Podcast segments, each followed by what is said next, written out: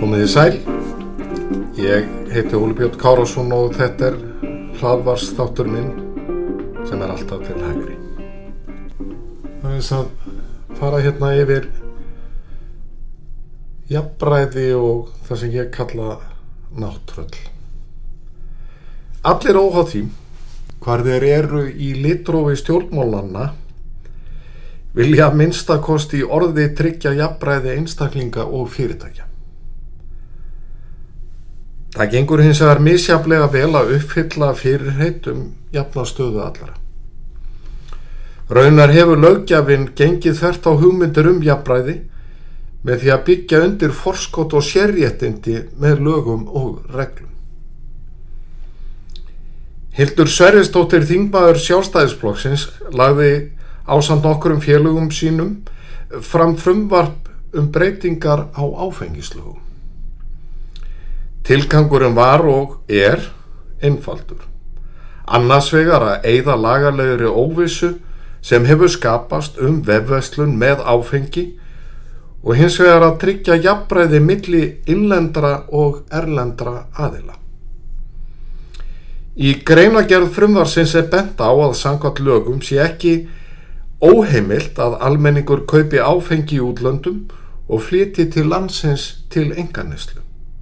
Sem sagt, gildandi lagaumhverfi gerir íslensku neytendum kleift að kaupa áfengi að vild frá erlendum áfengisveslunum, aðalega á netinu, á þess að skýrt sé að þeim sé heimilt að gera slíktið sama í innlendri vefveslun. Lagaleg óvisa virðist ríkja um hvort heimilt sé að starrækja vefveslun með áfengi hér á landi vegna engalefis áfengis og tópasvekslunar ríkisins á smásölu áfengis. Í greinagerð segir Hildur að frumvarpinu sé ætlað að jafna stöðu innlendrar og erlendrar veslunar að þessu leiti og undistrykka lögmæti innlendrar netveslunar með áfengi. Í viðtali við frettastofu ríkisins í byrjun júli saði Bjarni Bendsson fjármóla og efnahansar á þeirra hins vegar að ekkert benti til þess að áfengisala í gegnum netið stangist við lög en þó var í ljóst að stjórnvöld þyrtu að skýra laga umgjörðina. Hann saði þetta er nútíminn og já, ég tel að vefveslun sé bara stórkoslegt fyrirbæri og almennt hefur vefveslun stór aukist hjá Íslendingum. Að þessu leiti talar ráð þeirra skýrt. Þrátt verið fyrirheit um að vinna að jafnbræði fyrirtækja og einstaklinga var komið í vekk fyrir að frumvar Pildar Söristóttur yrði afgreitt úrnemd og komið til atkvæðakarislu í þingsal.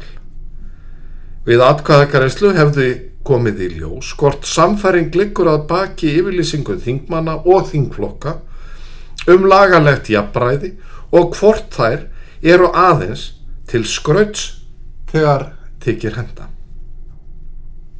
Ekki verður séð hvernig lögjafinn og ríkistjórnin komast undan því að gera nöðsynlegar breytingar á lögum í takt við það sem Hildur Sörristóttur hefur lagt til. Þá er verðt að hafa í huga það sem segir í greinargerð frumarsins. Orður rétt. Fá ef einhver dæmi má finna í íslensku lögum það sem almenning er heimilt að kaupa vörur af erlendum verslunum til innflutnings en óheimilt að kaupa sömu vöru af íslenskir verslun. Núvarendi fyrirkomulag stennst ekki kröfur um jafnbræði og er því nöðsynlegt að breyta lögunum til að tryggja jafnbræði og samkjæfnishæfni innlendrar veslunar við þá erlendu. Tilvitnun líkur. Vefveslun með áfengi er ekki einstæmi um hvernig lögjafinn hefur sínt að oft líkur lítið að baki öllu tali um jafnbræði.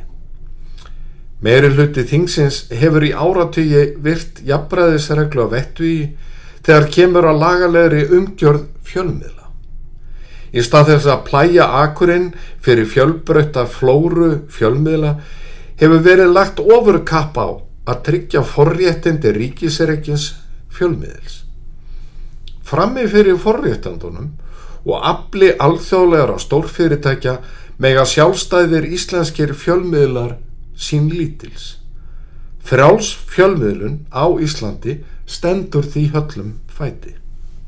Auðvitað segja stjórnmálamenn styðja frjálsa fjölmiðlun en fæstir þeirra sjá eða skilja þá mótsögn sem felsti því að berjast fyrir sjálfstæðum fjölmiðlum og standa um leið vörð um ríkiserekna miðlum frétta og upplýsinga sem nýtur sérstakara forréttinda í harðri samkjæfni. Varnarmúrin sem byggður hefur verið um ríkiserekstur fjölmiðils hefur aldrei rofnað og litla líkur eru á því að leikareglónum verði breytt á komandi árum. Þar munu þingmenn berjast gegn tæknið þróun framtíðarinnar líkt og á fleiri svið. Sem eins konar synda aflaust fyrir að viðhalda forréttundum ríkisfyrirtækisins þar sem jafnbræðisreglan er þver brotin hafa stjórnvöld og þingmenn ákveða að innleiða flókið kerfi ríkistyrkja fyrir sjálfstæðara miðla. Með aflótsbrefu upp á vasan koma stjórnmálumenn sér undan því að jafna stöðu engareikina og ríkisreikina fjölmiðla.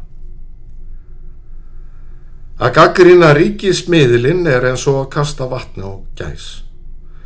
Gaggrinandir er áhrifalus en það getur hann ekki slítið viðskiptasambandi sínu við ríkismiðlinn með því að segja upp áskriftinni, hætta að greiða útvaskjaldið og fáir hafa áhuga því að lenda upp á kant við efstaleiti, ekki stjórnmálumenn, ekki fórustumenn í atvinnulífinu eða listamenn. Þá er betra að þeia eða jafnvel taka sér stöðu með lögvenduðum forréttendum ríkismiðilsins. Afleðingin er aðhaldsleysi sem hefur myndað þjóðfélagslegt tómarum um starfseminna í efstaleiti sem lifir sjálfstæðu lífi þar sem enginn ber ábyrg gaggar þeim sem þingaðir eru til að greiða miljarda á ári hverju í reksturinn.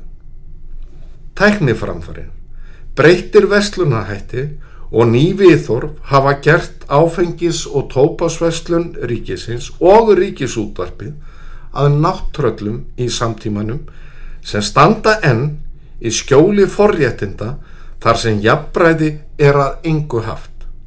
Lögjafinn getur valið sér sama hlutskipti en fyrr eða síðar tekur tæknithróunin völdin. Ég þakka þeim sem hlýtu eða góða stundir.